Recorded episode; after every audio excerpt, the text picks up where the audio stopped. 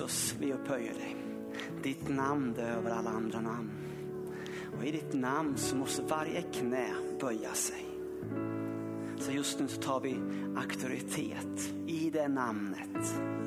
Vi talar till allting som inte är som det ska. Allting som stör, allting som vill stjäla vårt fokus. Namnet Jesus är över allt detta. Tack helige Ande att utan dig så är vi ingenting alls, men tillsammans med dig så är vi allt. Pappa Gud, tack för din kärlek. Jag ber att den ska få skina, att den ska få stråla, att den ska få genomsyra allting här idag. Din kärlek pappa, din kärlek till oss. Jag ber om det i Jesu namn. Jesu namn. Amen. Amen, amen. Varsågoda och slå er ner. Eh, tack så jättemycket älskade lovsångare. Eh, vad härligt att få, få eh, stå tillsammans med er här idag. Eh, och tala till er lite kort på påskdagen. Eh, Simon heter jag. Eh, Jag har förmånen att vara en av ledarna i församlingen här. Och eh, eh, pappa, man till Julia och tre härliga barn och en på väg att bli härlig hund. Vi jobbar fortfarande på det. Så är det. Ehm, jag hoppas att du har tagit dig tid den här påskhelgen och, läsa i evangelierna om, vad Jesus, om Jesu död och uppståndelse. Har du inte gjort det så det är fine. Har du gjort det, grattis till dig. Vilka härliga berättelser att få läsa och jämföra Matteus, Markus, Lukas och Johannes. De här olika individerna som har olika infallsvinklar på det som hände de här dagarna vid korset. Ehm, och, jag tänkte att, att, eh, att vi ska tala lite grann i och kring det här idag, men kanske från en liten, liten annorlunda eh, infalls, infallsvinkel. Ehm, Idag så, så, så, så, skulle jag vilja tala till dig om, om Faderns kärlek. Det är rubriken. Men vi, vi ska ta oss dit först. Du behöver inte oroa dig. Det är påskdagen. Påskdagen det handlar om Jesu uppståndelse. Är det inte härligt? Eh, och, och här, den här meningen här den återkommer gång på gång på gång. Han är inte här, han har uppstått. Kanske är det här någonting till dig idag. Kanske är det så att du letar efter Jesus på fel ställe. Eh, den här meningen återkommer i evangelierna. Han är inte här. Vänd dig till den som sitter bredvid och säg, han är inte här. Nu blir det jobbigt, vi är ju i kyrkan, är han inte här? Vad är det som händer? Det börjar redan gå ut för. Lugn, lugn, ta lugnt. Han är inte här. Han har uppstått. Han har uppstått. Vad talar det om? Det talar om att vi behöver byta vårt fokus. Vi behöver, vi behöver, han, han, vi, så lätt så fastnar vi här. Precis som kvinnorna som kom till graven, kommer in, tittar in i det här mörka. Det luktar liksom antagligen från, från bindlarna. Det var ju, de skulle komma med oljorna för att smörja in. Jesus hade ju liksom, ja, du vet, uppstått tre dagar. Antagligen luktade det inte jättegott. Det, kom in, luktade det mörkt och unket. Och så, in, och så möter de ängeln och så säger han, vad, vad, vad, vad letar ni här för? Är inte det djupt mänskligt? Vi letar men vi hittar inte det vi letar efter. Som sagt, jag är ju lyckligt gift till Julia. Eh, och när jag eller mina barn slarvar bort någonting hemma så får jag som man aldrig fråga. Jag vet inte om det är bara i familjen Ek det här, men jag, jag tror inte det. Så, så det är ju Julia som får frågan vart det ligger. Vart har jag lagt nycklarna? Vart är strumporna mamma? Jag hittar inte min mattebok mamma. Jag får aldrig de frågorna. Utan uppenbarligen så finns det liksom någonting över kvinnorna just att de, de, de letar, de letar. Och så ibland ska jag pika, ja, men du letar ju på fel ställe. Och det kan vi tycka om kvinnorna också. De har ju, har ni hört Jesus säga att han skulle uppstå? Och det här, det här är så vackert tycker jag i evangelierna. Tänk att de första som får som får möta Jesus som uppstånden. det är kvinnorna som kommer för att, som söker efter Jesus. Du har ett gäng karar, de tolv apostlarna. De sitter instängda någonstans, rädda, skraja och tjuriga. Och men du har ett par kvinnor, de söker, de letar efter Jesus. Tänk om du och jag, om vi kunde få vara sådana människor, så vi, vi söker efter Jesus. Och de sökte på fel ställe men fann Jesus. Tänk att du och jag, att vi kan få börja söka på fel ställen. Men det är där, när det är sökande, den längtan att Gud möter det. Tänk vad häftigt. Sen har du, sen har du Emmausvandrarna. Och vad gör de då? Ja, Jesus säger till dem liksom att, att, att, att, att, att berätta allt det här. Och vad gör de när han dör? Ja, de börjar knalla åt fel håll. De ger sig ut på promenad, helt fel väderstreck. Och vad händer? Och Jesus, han kommer och slår följe med dem.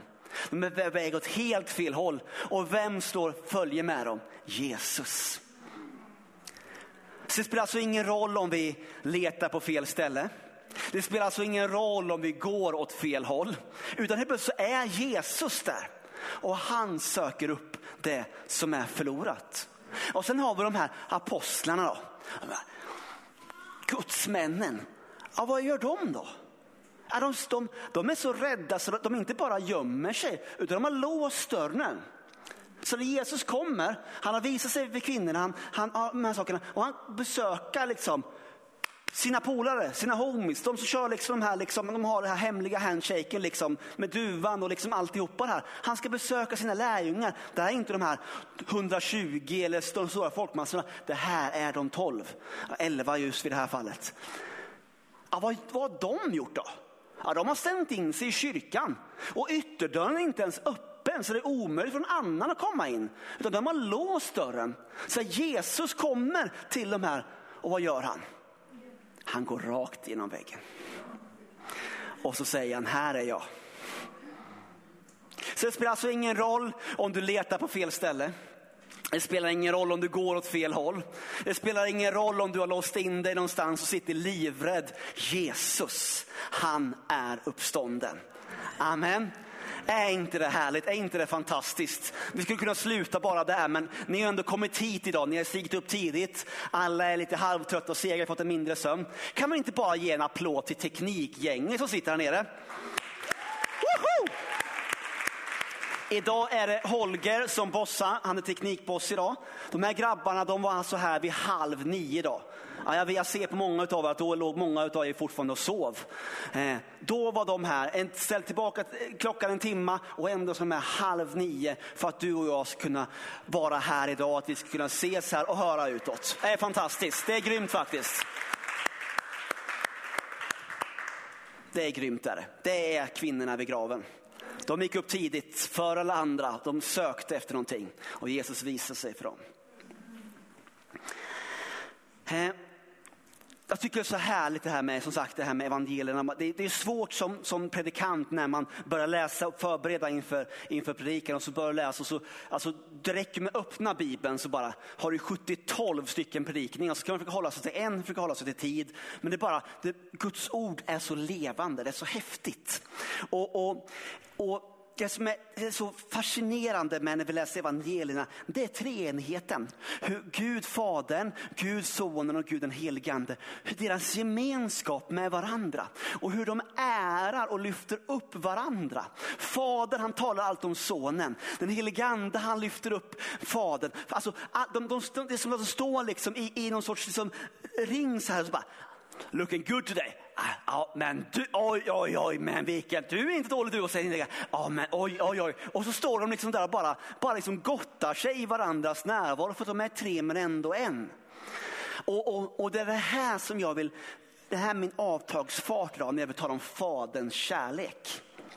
Mm, väl medveten om att påskdagen och påsken handlar om Jesu död på korset så tycker jag det är intressant att se vad tal, vad är det Jesus säger när den här, de här dagarna, den här dagen innan, den här dagen han blir korsfäst efter, vad talar Jesus om? Ja, det är väldigt mycket om den helige ande. Det är väldigt mycket om Fadern. Det är väldigt lite om sig själv. Han talar absolut om sig själv också. Men det är väldigt fokus på den resterande treenigheten. Är inte det häftigt? Hur, hur, hur, Jesus med fullt fokus på vet att han ska dö på ett kors. Och han talar om faderns kärlek. Han talar om den helige ande som ska bli utgjuten. Och det är därför som jag är här idag frimodig och stående. Jag vet att när jag talar om Jesus, och trivs den helige ande på det här stället. När vi lyfter upp namnet Jesus, då är den helige ande här mitt ibland oss. Och när den helige ande är här mitt ibland oss, då flyttar han fokus på Jesus. Då lyfter han fokus på, på Gud Fadern. Och när vi sätter fokus på Gud Fadern, säger han, ja jag älskar dig så mycket så att jag, vadå, jag sänder min son. Faderns kärlek. Så jag tänker vi tar avstamp i, i kanske det, det ultimata, det går inte att säga så jag vet, men jag är predikant och då får man säga konstiga saker. Men det är ett, ett utav dem, vi ska vara politiskt korrekta, ett utav dem, de tyngsta statementen som handlar om faderns kärlek. Ja det är Johannes 3 och 16 till vers 17. Och, och, där, kan vi, där kan vi läsa följande. Att så älskade Gud, alltså Fadern Gud, älskade världen så att han utgav sin enfödde son. Så att här i påsken, vi tänker på vad Jesus stod och gjorde på korset, så får vi också för ett ögonblick flytta fokuset på Fadern. Som sände sin son för att dö för ett par slashasar som dig och mig. Jesus uppoffring. ja. Faderns uppoffring. alla vi som är föräldrar vet vad det handlar om. Skulle du och jag skicka vårt barn att ta priset för hela världens synd, kanske för någon snäll granne till dig, men inte till dig. Handen på hjärtat. Jag hade inte skickat Daniel till att dö i mitt ställe. Aldrig någonsin. Det är faderns kärlek. Och fadern, han, han talar med sonen som, som säger absolut, jag är ett med dig. Den helige ande, absolut, nu kör vi. Och de tre är eniga kring detta.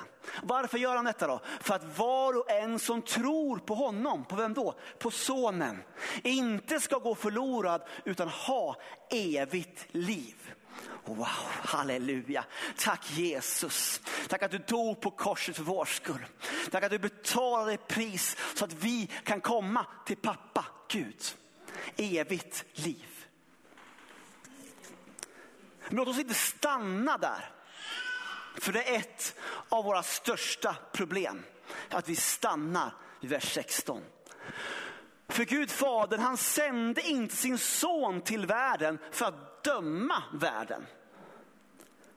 För helt plötsligt så du och jag som kristna, åh Jesus dog på korset för min skull, tack Jesus. Ditt as. Vad hände där? Romarbrevet säger, vem är det som dömer? Vem är det som dömer? Kristus är den som har frikänt, som har friköpt. Så att Gud fader, han såg han plan var att sända Jesus till världen för att frälsa dig och mig. Inte för att döma världen. Du och jag, vi gör det varje vecka. Om det inte var Jesu jobb att döma världen, han som faktiskt betalade priset för det, har du och jag någonting att säga till om?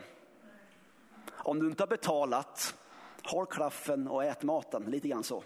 Alltså är du på restaurang liksom. Sorry. Utan varför gjorde han detta? Jo, men för att världen skulle bli frälst genom honom. Frälsning är ju skilt från domen på det sättet. Det är nödvändigt på grund av domen, synden som ligger över världen. Men när Jesus kommer så är det just för att frälsa världen. För att rädda oss. För att världen skulle bli frälst genom honom. Det är påskens budskap. Det är kristen tro. Att Jesus stod och uppstod för dig och för mig. För att rädda oss, inte för att döma oss. Och ändå så går du och jag och pekar finger åt andra. Nej, men det har jag inte gjort den här veckan Simon. Bra, bra, toppen. Men jag skulle vilja påstå att vi allihopa som sitter här och du som tittar där hemma. Att vi dömer oss själva. Så att Jesus som dog på korset betalade priset. Han säger att det här gjorde jag inte för att döma världen. utan för att rädda världen, det vill säga dig och mig. Och så ändå så går du och jag och bär på skam, skuld och fördömelse. När det fanns en som dog och uppstod för att du och jag skulle slippa detta.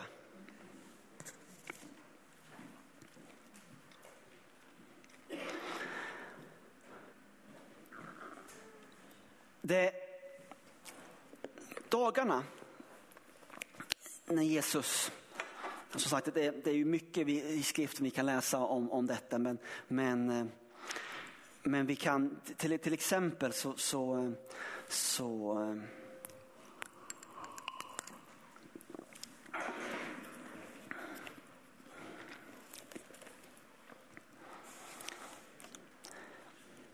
så efter nattvarden, antagligen efter nattvarden, men så ber Jesus sin överprästliga förbön. Bara där kan vi ju liksom spendera det här året i den bönen. Men, men vi, bara, vi bara, bara snabbt bara liksom. Den, den står i, i, i, för det som ni slår upp i Johannes kapitel 17. Vi ska bara, vi ska bara snabbt bara studsa in och studsa ut för att hoppa vidare. Eh, men då ber Jesus den här bönen för sina lärjungar. Han vet att han ska gå till korset och så ber han, kanske, vi ska inte jämföra saker, men och återigen då, vi ska lite korrekta då, en av de viktigaste bönerna som vi kan läsa.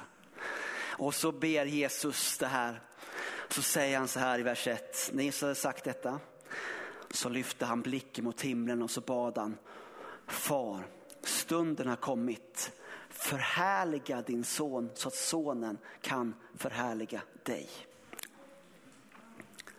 Där han börjar direkt, ser du Jesus, så fort han öppnar munnen så bara, pappa, Gud, fader.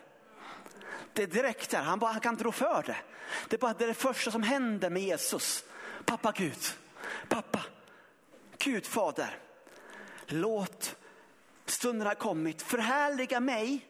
Varför då? Så att jag kan förhärliga dig. Som mina barn säger. Wow. Och så ber han om eh, sprängstoft. Och så slutar han vers 26. Jag har gjort ditt namn känt för dem och jag ska göra det känt så att vadå? Jo, så att kärleken som du har älskat mig med ska vara i dem och jag i dem. Det både börjar och slutar med fader, med faderns kärlek. Så här är min avtagsväg, avtagsväg 67a. In från påskens budskap om Jesu död och uppståndelse till faderns kärlek. Getsemane trädgård. Han brottas med smärtan och med allting. Och så säger han, far, om det är möjligt, men ske inte min vilja utan ske din. Återigen det fantastiska fadersfokuset. Johannes 20. Så, så kommer Jesus och så, så eh, visar han sig för, för, eh, för lärjungarna, för, eller för kvinnorna. Vers 17 så står det, rör mig inte än, jag har inte stigit till Fadern. Men, säger han, det första han säger, gå till, till kvinnorna, gå till mina bröder och säg till dem att jag stiger upp till min far och till er far till min Gud och till er Gud. Så Jesus bara, åh, härligt att se er. Det var tre tuffa dagar, men vet du vad? Jag har besegrat dödsriket. Hörrni, jag vet, tack att det finns kvinnor som, kan, som, har sökt, som har sökt mig, som har funnit mig. Nu behöver ni gå till de tröga männen och säga att jag lever. Påminn dem också, när ni ändå pratar med dem, påminn de tröga karlarna om att faderns kärlek till mig, det är faderns kärlek till er. Påminn dem om att min kärlek till fadern, det är er kärlek till fadern. Påminn dem om att Gud är i mig och jag är i honom. Precis som att Gud, fadern är i er och ni är i honom. Jesus var så uppfylld av faderns kärlek så det är det första som han skickar med till kvinnorna som möter honom. Fantastiskt. Men nu har jag alltså sänkt av här, avtagsväg 67a och sänkt av här mot faderns kärlek. Och, och, och det här är ju en, en röd tråd genom Bibeln. Hur Fadern älskar dig och mig. Hur han gör allt för dig och mig. Som slutligen blir liksom pricken över i är Jesus död och uppståndelse. Hur Gud utger, utger det absolut bästa han har för dig och mig. Men Jesus han älskar att tala i liknelser, han älskar att måla upp bilder för sina lärjungar. Eh, och om det är okej okay för dig och jag har micken så, att eh, är det inte det så synd för dig. Eh, så skulle jag vilja dyka ner i en utav Jesu liknelser idag. Eh, som, som handlar om, om, om just om faderns kärlek. Och vi går till Lukas evangeliet kapitel 15 och då ska vi läsa ett rejält stycke där.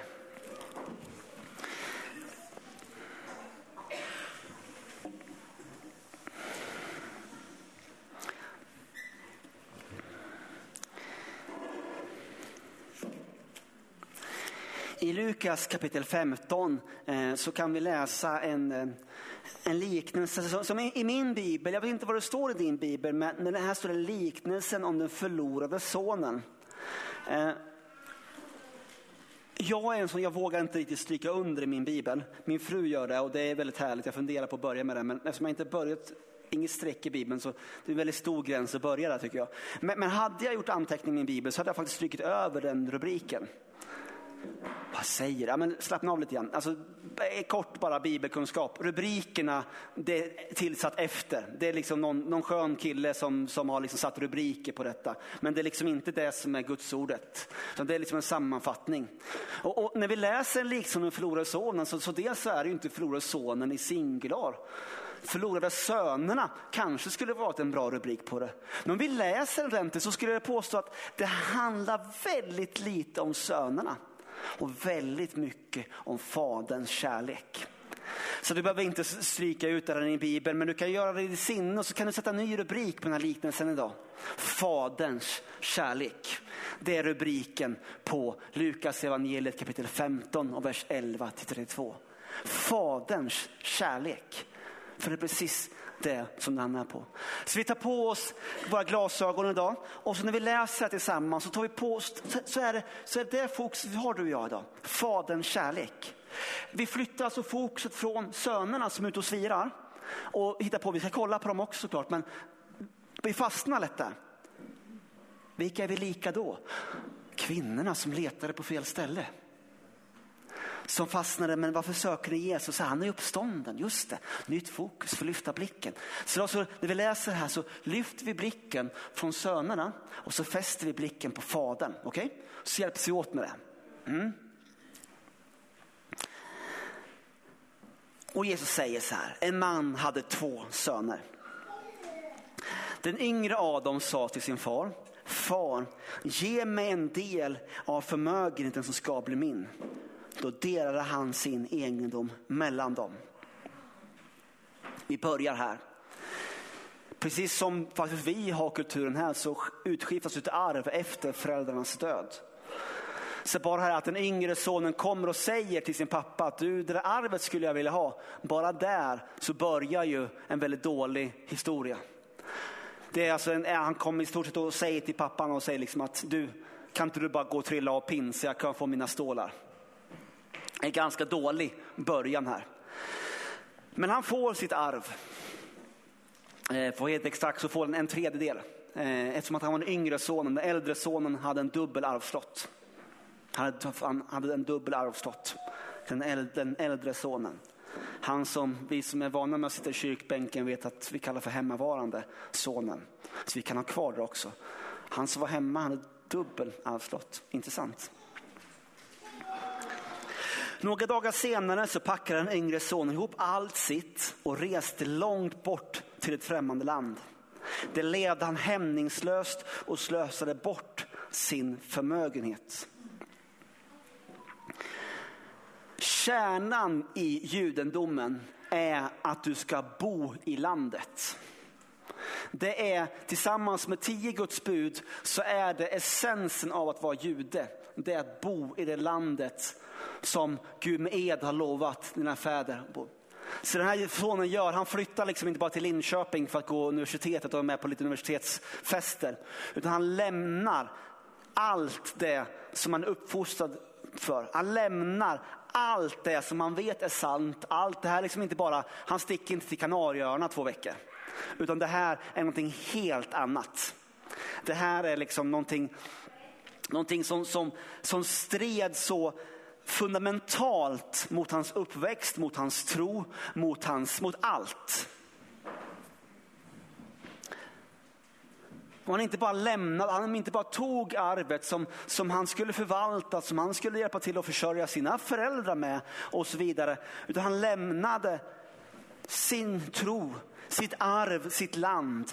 Och han levde hämningslöst och slösade bort sin förmögenhet.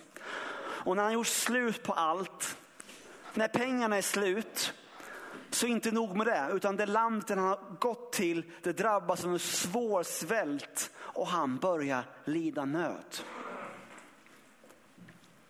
Hur många gånger är det inte så för dig och mig? Att vi lämnar fadershuset och så spenderar vi och det, det, går bra så länge vi har spenderat. Men förr eller senare så tar det stopp. Förr eller senare tar det slut. Och då drabbas landet av svält hunger. Det är alltså någonting som saknas honom. Men han är, han är driftig den här killen. Så han, han går bort och så tar han, han skaffar sig ett jobb i vers 15. Han gick bort och tog tjänst hos en av landets medborgare som skickar ut honom på sin ägor för att vakta svin. Här har han alltså nått botten. Svinen som vi vet är liksom det absolut värsta, det är så orent som det kan bli för en jude. Så han befinner sig på den absoluta botten och vaktar svin. Han är så hungrig så han vill att äta svinens mat. Han har velat äta sig mätt på fröskidorna som svinen åt, men ingen gav honom något. Vi behöver vara medvetna om det du och jag när vi pekar finger på människor som kanske befinner sig utanför kyrkans väggar, som kanske har vänt och gjort gott. De är så hungriga det finns en sån hunger och en sån längtan som skulle nöja sig med svinens mat. Men inte ens det får de. Du sitter vid faderns bord. Det är dukat, jag talade om det förra gången jag var här på scenen. Ett dukat bord. Där sitter du och jag. Det är lätt för en hungrig människa att peka finger, eller lätt för en mätt människa att peka finger på en hungrig människa. Jag hade förmånen att få vara i Tanzania, jag och min familj, så Ulla Stenros som tillsammans med Gotte startar upp det här fantastiska arbetet. De talar väldigt mycket om att mätta en människa. Du kan aldrig ge evangeliet till en hungrig människa. En människa som svälter kan aldrig ta emot Jesus. Du måste mätta hungern. Det finns alltså en hunger hos honom som är så desperat så han kan tänka sig vilken skit som helst för att mätta det tomrummet som är på insidan av honom. Han nöjer sig med vad som helst. Så var försiktig med att peka finger. När du äter både frukost och elva kaffe och lunch. Var försiktig med att peka finger. För varför kom Jesus? Ja, inte för att döma, utan för att frälsa. Så den här sonen, han vaktar svinen. Han tittar på de orena djuren så de glufsar i sig de här fröskidorna som är liksom närmaste vi har jämfört med Sverige, typ barkbröd som det var liksom i, i liksom tuffa åren här. Liksom. Riktig på ren svenska skitmat. Han bara sitter och dreglar efter det och längtar efter och tänk om jag fick äta det här. Men det är också någonting med hunger. Hunger när den riktas hunger gör oss desperata. Till slut när han tittat på de här och insett att jag får inte ens det här, kan inte ens mätta mig. Då driver den här hungern, den här, förlor, den här sonen, driver honom någonstans. Den driver honom till besinning. Alltså, han kvicknar till och så bara, det här är helt sjukt. Här sitter jag, jag får inte ens käka det grisarna käkar, jag håller på att svälta ihjäl. Hur, hur galet är inte det här? Och så vers 17 säger att han kommer till besinning och säger, hur många arbetare hos min far har inte mat i överflöd och här svälter jag ihjäl. Jag vill stå upp och jag vill gå hem till min far och säga till honom, far jag har syndat mot himlen, jag har syndat inför dig, jag är inte längre värd att kallas din son. Låt mig bli som en av dina arbetare. Han har lämnat allt och han visste att det fanns ingenting att komma tillbaka till. Han visste att han hade bränt broarna. Men han visste också att den lägsta, de lägsta i sin fars hus hade det bättre. Att hans faders tjänare hade det bättre än vad han hade bland svinen. Så det förde sonen, resan börjar med att sonen ställer sig upp. Jag vill stå upp och gå hem. Jag vill tala ut det här ordet idag till de i våra familjer som har gått ifrån Faderns hus. Jag vill tala ut ett ord idag som är stå upp. Jag vill tala ut ett ord idag som är de familjer som finns runt omkring oss, våra små familjer, våra stora familjer. Jag vill tala ut ett ord idag över den här staden och över det här landet. Att det är en tid för våra söner och döttrar att ställa sig upp och vända tillbaka till fadershuset. Svälten, hungern de känner på insidan, den kommer driva dem till insikten, till besinningen om att det spelar ingen roll vad det är, utan det lägsta som lägst spelar ingen roll, utan jag vet att där var jag mätt.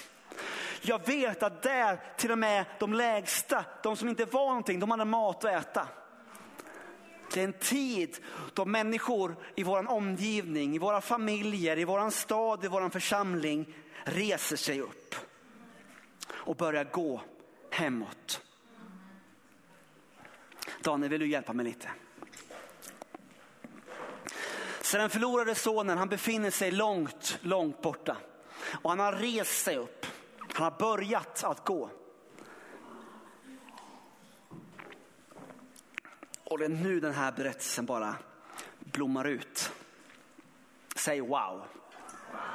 Vilken story.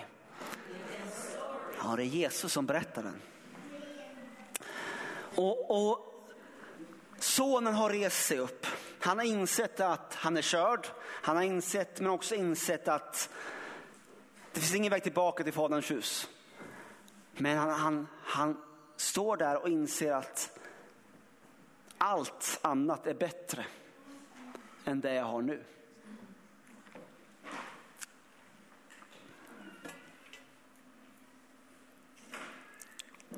vers 20.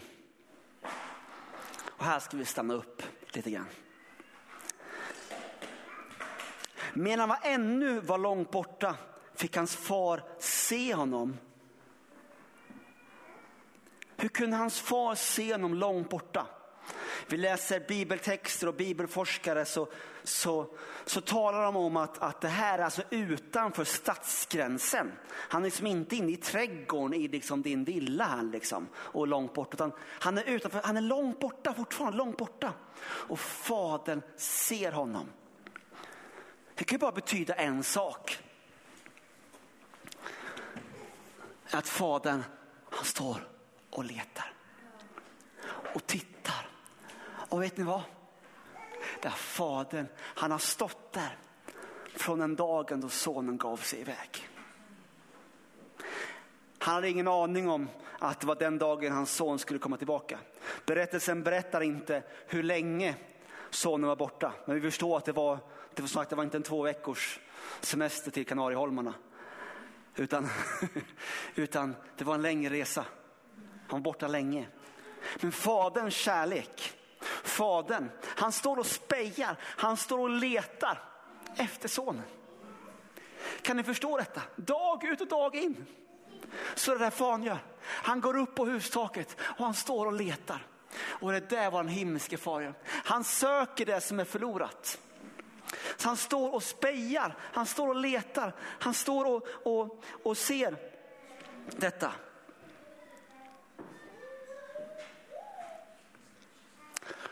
Och så söker han efter Fadern. Han söker, han söker, han letar. Och så får han syn på sonen långt borta. Vad gör fadern? det är dags att komma hem nu. Det är på tiden. Ja, mm-hmm. ja, ja. Vers 20. Medan han ännu var långt borta tills han far se honom och förbarmade sig. Förbarmandet. Jag har inte kommit för att döma världen utan för att världen skulle bli frälst. Inte dom utan frälsning. Det vill säga det är det som är förbarmandet. Förbarmandet väcker också känslor på insidan.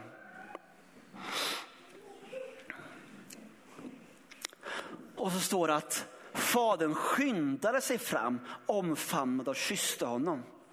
Han var härlig tänker vi. Här finns så mycket som vi missar i våran svenska kontext. Fadern, för det första som en patriark i det judiska samhället. Du sprang ingenstans. Det är ju inte våra gammelpappor här heller kanske så ofta. Men, men det, det gjorde du inte, det här kanske beror på kondition. Det berodde det på kultur och kontext. En judisk man sprang inte. Och framförallt så sprang han inte för att möta en annan människa.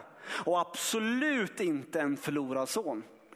Hör också en liten detalj, kul detalj när vi läser skriften vi kan bara djupdyka i. Ja, men hur var de klädda? De hade ju inte kavaj och, och liksom jeans på sig utan de, de hade ganska långa livkläder och de var ganska halvtajta de här. Så det var inga springkläder, de hade liksom, det var långa liksom grejer ner. Så det här kunde du inte springa i.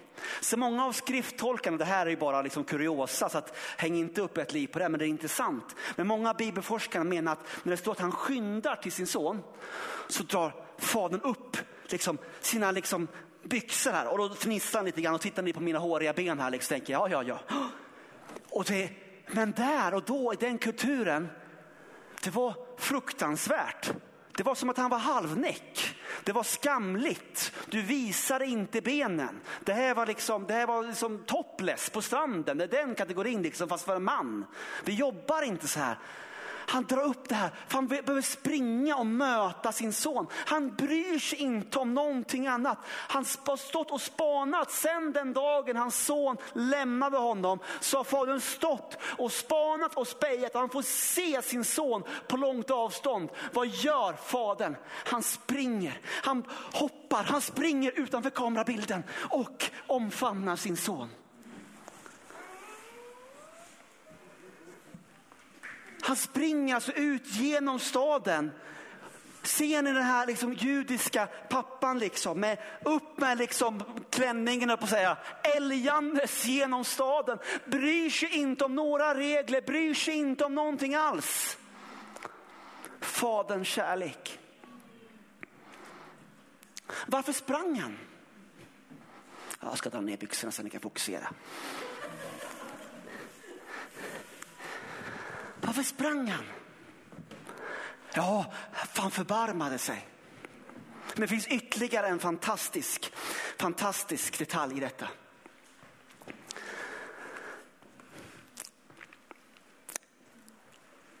I den judiska kulturen så fanns det, finns det ett, ett ord, eller det är en, en rit som jag inte kan uttala, men som heter kesasa.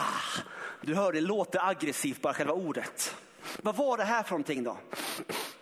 Vad, vad, vad är det för någonting som vi, som, vad, vad innebär det här? Jo, fadern står och spejar över sonen. Men så vet han också att, det här, att sonen lämnade, det har inte bara påverkat fadern och hans familj. Det har ju påverkat den stora familjen, släkten är ju liksom, är ju, ses ju ner på nu. Och, den är ju på, och staden har ju annat i dåligt rykte. Kyrkan har fått dåligt rykte, staden har fått dåligt rykte, alla har fått dåligt rykte. Så när sonen är på väg tillbaka så finns det ett par goa gubbar. Stadens äldste. Du och jag. Som ser det som vår plikt att minsann tala om ett och annat för den här sonen som är på väg tillbaka. Sakesaha som det här är. Det är alltså de judiska statsäldste. De ställer sig, de ser ju de här också, de sitter ju där och, och, liksom, och, och, och, och snackar skit på dagar i porten. De ser den förlorade sonen som är på väg in, som fadern ser. Och varför springer fadern? Varför är han så mån om att springa och möta honom innan han kommer in i stadsporten? Jo, för där, det står stadsäldste med en kruka så här framför sig. Kom Daniel. Så det de står och väntar på, det är att det här aset ska komma tillbaka. Så att de kan berätta för honom all den skada han har gjort. Så när sonen kommer till stadsporten så säger de höpp, höpp, höpp, höpp. Du är inte välkommen hit igen. Och så tar de den här lekrukan.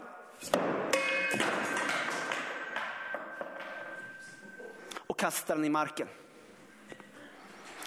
Och så tar de upp spillrorna. Ser du vad du har gjort? Det här, det är din familj. Det här, det är din tro. Det här, det är ditt arv. Det här är allt det viktiga. Ser du vad du har gjort? Ser du vilken skada du har ställt till med? Ser du vilken skam du är? Gå härifrån. Du är inte värd att vara här. Och så skickar de bort sonen.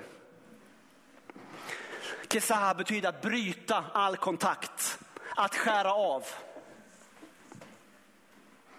Så när fadern står och spejar, varför har han så bråttom för?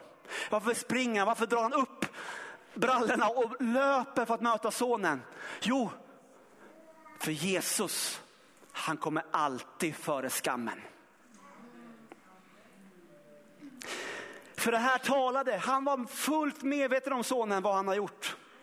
Han är fullt medveten om alla fel, alla brister, allting. Han behövde ingen lista på det, han visste det.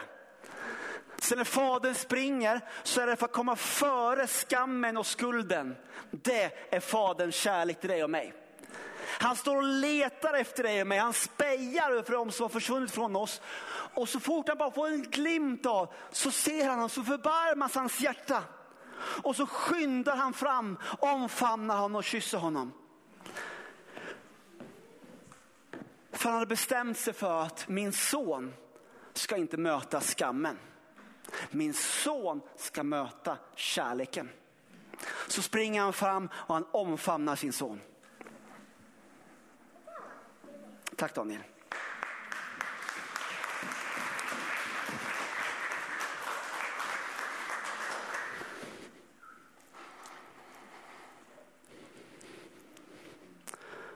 Och sonen som är mött av fadern var det första som kommer ut ur sonen.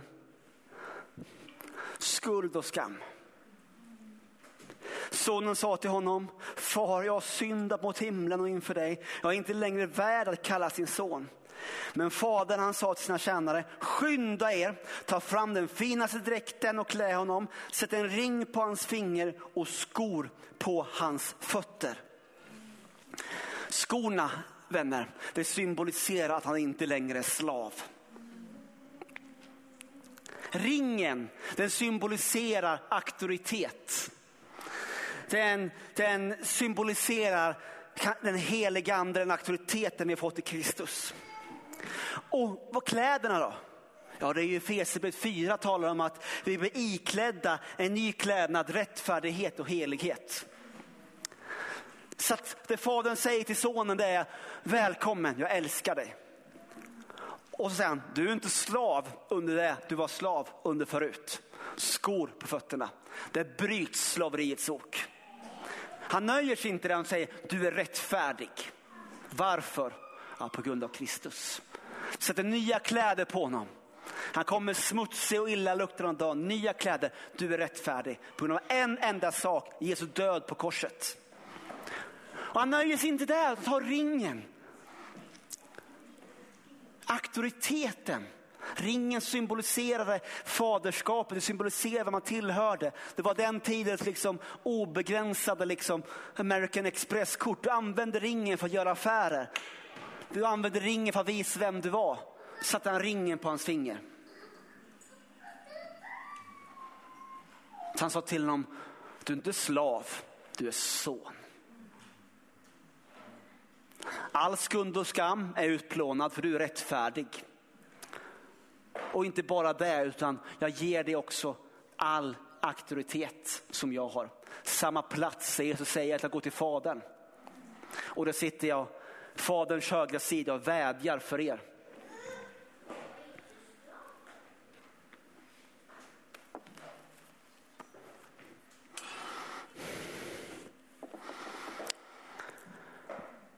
Hämta gödkalven, vers 23. Så slaktaren, nu ska vi äta och fira. För min son var död men har fått liv igen. Han var förlorad men återfunnen och festen började. Och nu tänker man att snipp, snapp, slut, så var sagan slut. Vi var halvvägs i liknelsen om faderns kärlek. För vad händer då? Vilket härligt slut, wow. Nej, precis som för dig och mig så tar det sällan slut där. Det är någonting annat som dyker upp där, märkligt det där. Nu kom hans äldre son som var ute på fälten och han nu kom hem och närmade sig gården så fick han höra musik och dans. Och han kollade liksom upp sin telefon och kollade, ja men det är inte fredag än. Vad är det som händer liksom? Det är inte fest. Vad, är det, vad, vad, är, vad händer här liksom? Ute och jobbat hela dagen. Och han kallade till sig en av tjänarna och frågade, vad, vem har satt på musiken? Vad är det som händer liksom? Tjänaren svarade, din bror har kommit hem och din far har slaktat gödkalven eftersom han fått honom hem välbehållen. Då blev sonen överlycklig och längtade efter att få gå in och säga hej till sin bror. Nej, då blev han arg. Det blir ju aldrig du. Det är skönt. Men den här sonen han blev arg och han ville inte gå in. Och vilka glasögon har vi på oss idag? Har vi på oss sönernas glasögon? Nej, vi hade på oss faderns kärlek. Han blev arg och ville inte gå in. Vad gör hans far? Skickar han ut en tjänare till dem och, och snackar med honom? Hans far är inne, han har precis fått tillbaka sin son, han är inne och, och en fest i honom, det är gott och det är härligt. Vad gör fan? Vad gör fadern? Hans far kom ut och försökte övertala honom.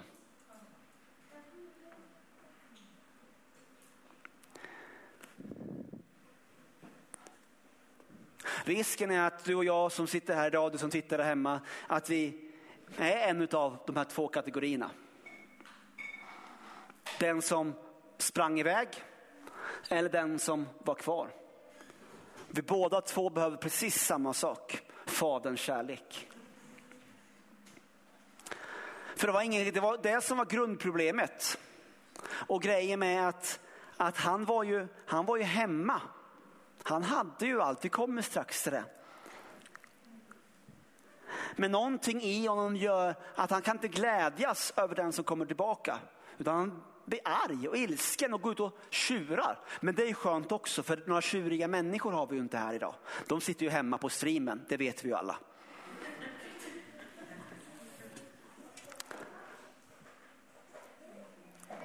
Och predikanten idag, han tjurar aldrig. Och hans fru skrattar inte ner på första raden.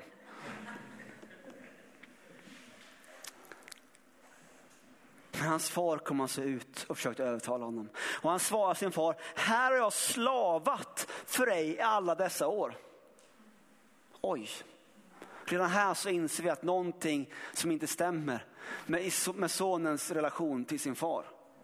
Han är ju han är son, han är inte slav. Men det är så han upplever det. Han har, här har jag slavat för dig. Gud, här har jag minsann i alla år kommer den där tjommen där. Va? Fräls, fri och förlåten. Tog inte ens tio minuter. Och så har vi som varit hemma hos Gud helt missat vilka vi är. Det här med skorna. Inte slav utan son.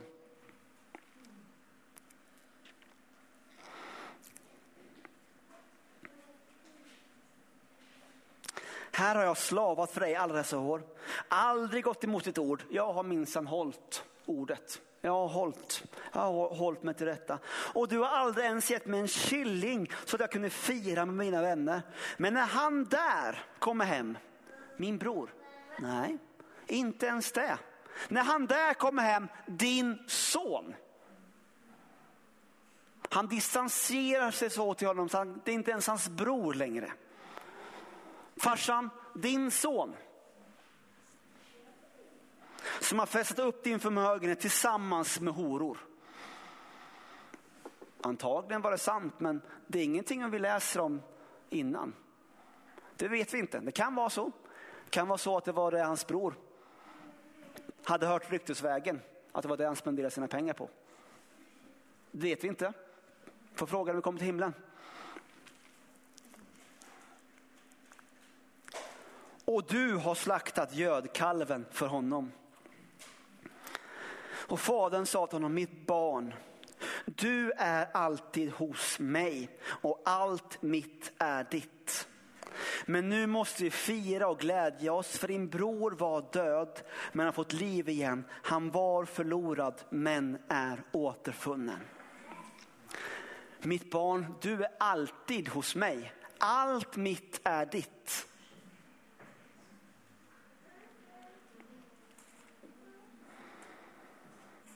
När vi firar påsken den här helgen, Jesus död och uppståndelse, hur han betalade priset för dig och mig. Vad är det han betalar priset för? Din frälsning. Gick Jesus till biljettluckan och köpte en enkelbiljett till himlen för dig? Var det det som var syftet med hans död på korset? Nej, inte bara. När Jesus dog på korset, det, han säger att han, frälsningen, ande, själ och kropp. Han öppnade dörren. Det står beskrivet hur, hur det här tygstycket som skilde det allra heligaste, det revs mitt i tu och så var ingången fri rakt in i det allra heligaste. Så Kristus stod alltså för att öppna dörren för dig och mig rakt in till himlen. Men han inte bara nöjde sig med, med vår med eviga frälsning och himlen, utan han säger, jag dog för ditt helande. Jag dog för din psykiska ohälsa. Jag dog för allting. Och mitt förråd är öppet för dig. Fadern säger det, du är hos mig, allt mitt är ditt. Varför har du inte frågat? Nej, den här barnen som hade fullt upp och jobba åt sin pappa. Och helt missat relationen. Helt glömt bort och frågat. Vi samtalade igår, härligt runt, runt middagsbordet. Vi, vi fick dela, jag och Julia, fått, fått vara med och se så många härliga under och tecken och mirakel den senaste tiden. Och så satt vi och pratade hemma vid köksbordet med, med den stora familjen. Och så, hur kommer det sig att vi inte ser det på samma sätt i Sverige? Så det funderade fram och tillbaka och kom fram till att en, en stor del utav det kan det vara så är för att vi faktiskt inte ens ber. Att vi faktiskt inte ens frågar Gud om ett helande. Kan det vara så enkelt? Att anledningen till att så många andra ser så mycket andra saker göra är att de ber. Om du och jag Börja hämta ut det som är vårt från vår himmelske far för, för oss själva och för de människor runt omkring oss. Tror inte vi hade börjat se lite saker som händer? Ja men Simon, du vet jag har bett för människor och de har inte alltid blivit helade. Nej, men jag kan nästan garantera en sak. Att en människa, Gud gör ju som han vill. Men också väldigt tydlig på att han agerar via oss. En människa som aldrig får förbön, det är ganska hundraprocentigt om inte heller blir helad. Jag vet, det kan ske på olika sätt. Gud gör som han vill och hur han vill. Men med det sagt, om inte du lägger dina händer på de sjuka, vem ska göra det då? Om inte du går in i den himmelske fars förråd och säger, det här behöver jag till mig själv. Men när du ändå är där, du tog väl med dig shoppingkorgen till de som är runt omkring. Du går ju trots allt i faderns förrådshus. Du är väl inte så dum så du bara täm, ja men det var en liten mjölk jag behövde. Va? Han och hon och den och pack, fyll varukorgen. Det är därför vi är här på söndagar. Jag vet inte om du har fattat det. Du är här, fantastiskt att du är här för din skull. Och du är så välkommen att vara här, bara för din egen skull. Men vet du vad? Vi är här för att fylla på. Vi är här för att fylla den här kundkorgen för att sen kommer en vecka då vi behöver börja dela ut. Det är inget fel på att bjuda på havregrynsgröt, det är jättefint av dig. Men du har ju en far i himlen som har allt. Hämta ut lite oxfilé. Lite färska räkor, lite schysst äppelmust. Duka upp det här bordet. För det är ju inte bara en himmelska far. För man pratar med faderns glasögon, faderns kärlek. Det här talar ju självklart till dig och mig. Talar om våran frälsning, talar om hur Gud är den som springer och möter oss. Men samtidigt så utmanar den också oss hur du och jag ska vara som människor. Är du och jag den människan som spejar efter dem som har gått vilse? Är du och jag de som varje dag ställer oss på stolen och letar efter de som har gått vilse? Är du och jag de människorna som skiter fullständigt, ursäkta mig, vad andra människor tycker och tänker för att springa och möta de människorna som, har, som vi ser är på väg tillbaka? För att tala om Faderns kärlek till oss. Men precis som allting annat så talar Jesus om, han talar om lärjungaskap. Se på mig och gör det jag gör. Vi hade ett härligt besök, ett kort visit. En pastor Maximilian från Polen som var här för ett par veckor sedan. Han kom upp här i eftermötet och bara delade med sig ett kort enkelt ord. Han sa, jag har bett för er, jag har bett för er församling. Jag tror att ni kan göra mer, säger han. Oj, wow, härligt. Och sen säger han så här, nej, nej, inte ni som församling, ni som individer. För någonstans i det här så är det så lätt, vi är ett. Vi är tillsammans, vi står tillsammans, vi är en familj. När ni har firat påsk hemma nu. Jag vet inte hur det funkar hos er men maten kommer inte magiskt på bordet. Man kan nästan tro det för ofta är det en mamma som trixar och fixar. Som min mamma till exempel som bjöd på påskmat igår. Enda anledningen till att det var ett bord där var att mamma hade förberett det bordet. Familjen var inbjuden, mamma lagade maten. Ingen mamma, ingen mat. Eller ingen mamma, äcklig mat. Vem vill äta falukorv och snabbmakaroner på påsk? Det krävs alltså en individ som handlar. Det är alltså inte ett kollektiv. Det är fadern som springer ut och möter. Men när vi, när vi som enskilda individer bestämmer oss för att bli mer lika Jesus, för att bli mer lika Fadern, då händer någonting i kollektivet, i den stora familjen. Och, och, och i en välfungerande familj så är det ju så att nu har mamma stått och, och lagat maten och ja, men då ställer jag och pappa och plockar bort disken. Och sen så kommer Julia och hjälper till att ta matresterna och lägger dem i plastburkar. Och sen så kliver mamma igen, in igen med, med efterrätten och så hjälps vi åt i och kring det här. Vi har gemenskapen, vi sitter tillsammans som en familj, men alla är delaktiga. Vissa mer än andra.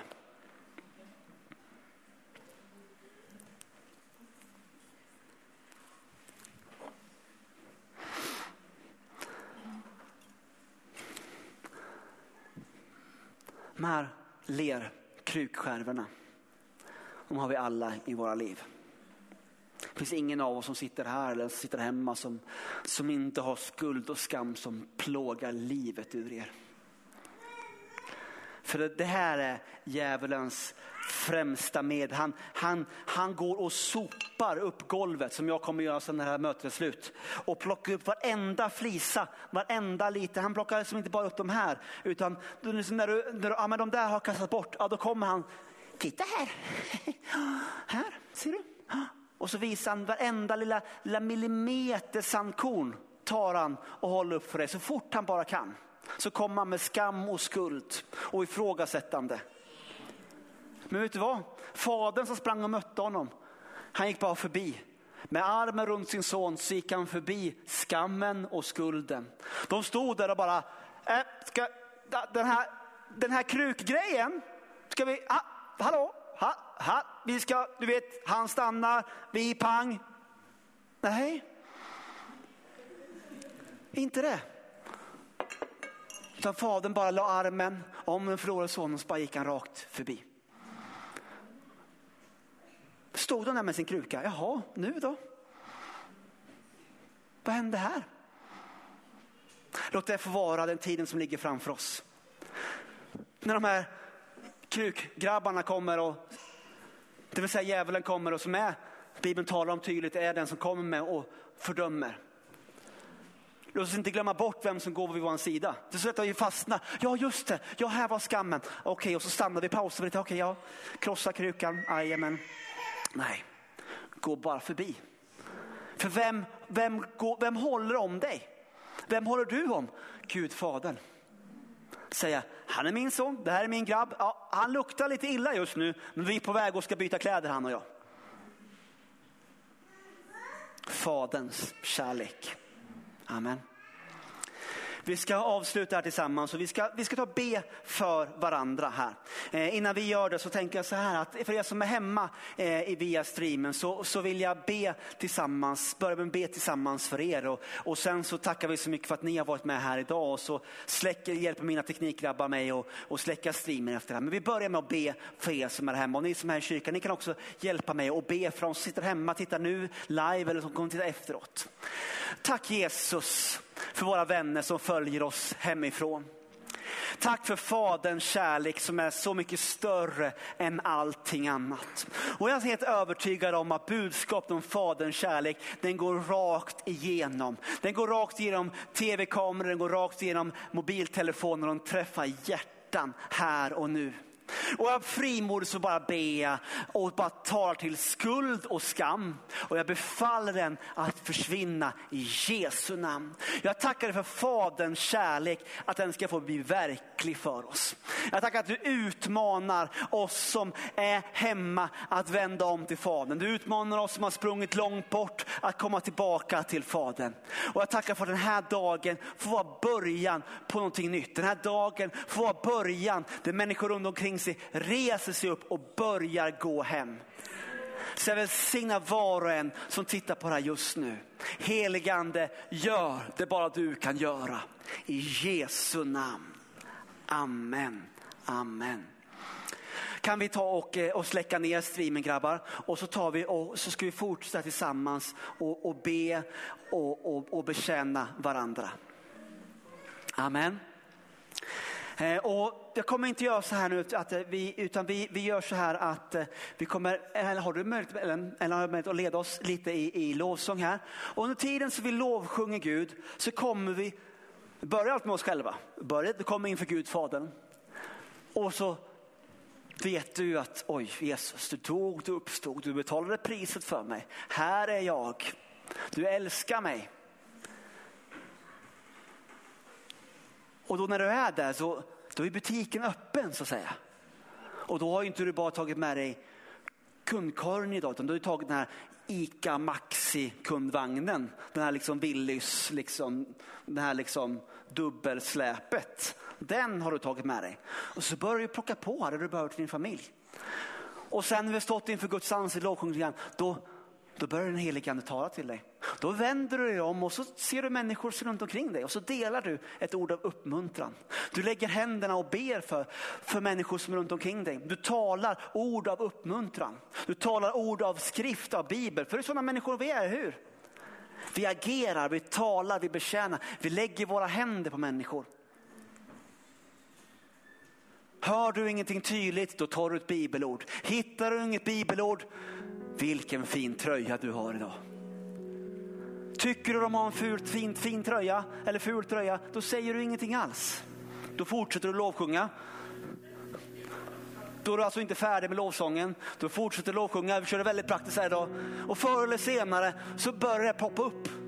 Det är så enkelt det här kära vänner. Och så börjar vi med det här i kyrkan. För här är väldigt få människor alltså som alltså kommer slå dig för att du säger ett uppmuntrande till dem. Och så blir du uppmuntrad bara wow. Det var härligt, jag fick dela med det här. Och, och, och Samuel han, han, blev inte alls arg på mig, han blev uppmuntrad. Och sen vet ni vad? Det härliga med en söndag, det är att efter söndagen så kommer måndagen. Och då är vi inte i kyrkan, men då är vi så uppmuntrade. Tänk, jag fick dela det här med Ellen och, och, och det var någonting till henne. Jag kanske kan göra samma sak med min jobbarkompis. Jag kanske kan göra samma sak med min kusin. Jag kanske kan göra samma sak med människan som jag möter på stan. Och så börjar vi bli en församling, vi börjar bli individer som, som inser liksom att som inte fastnat vid de här krukkillarna som står och, med fördömelsen och som inser det är Gud och jag. Det är Gud och jag. Faderns kärlek, Faderns kärlek. Och så är vi sådana människor som, som så här, håller han på med Simon? Varför står han där? Och så, just det, han letar ju. Och så behöver vi, det är därför, det är därför han inte lyssnar på mig Simon. För han står och letar efter någonting annat. Han söker, han letar. Så vi är aktivt, aktivt sökande, aktivt letande efter människor runt omkring. Är, är det någon som... Ja, undrar om det inte är någon som rör sig där. Han, han är, hon är, hon, hon, är på väg tillbaka. Hon, hon, hon. Och så bara är vi, är vi liksom vi är en stad, vi är en församling, vi är en familj. Vi bara, vad, vad sprang han ut nu för då? Ja just det, han sprang och hämtade den. Förfärligt mycket springande. Dörren slår upp och stängs och öppnas och stängs. Vad är det som händer? Och vi springer. Och vi springer. Och så, nej, nej, de var på väg åt andra hållet. Ja, ja, ja, ja men då. Och nu, nu, nu vänder han sig och så springer vi. Och så är vi människor som spejar och spanar och springer. Amen. Amen. Men Lollo sjunger tillsammans och så är vi frimodiga. Spelar ingen roll vem du är, vi börjar i lovsången. Vi tackar Gud, du säger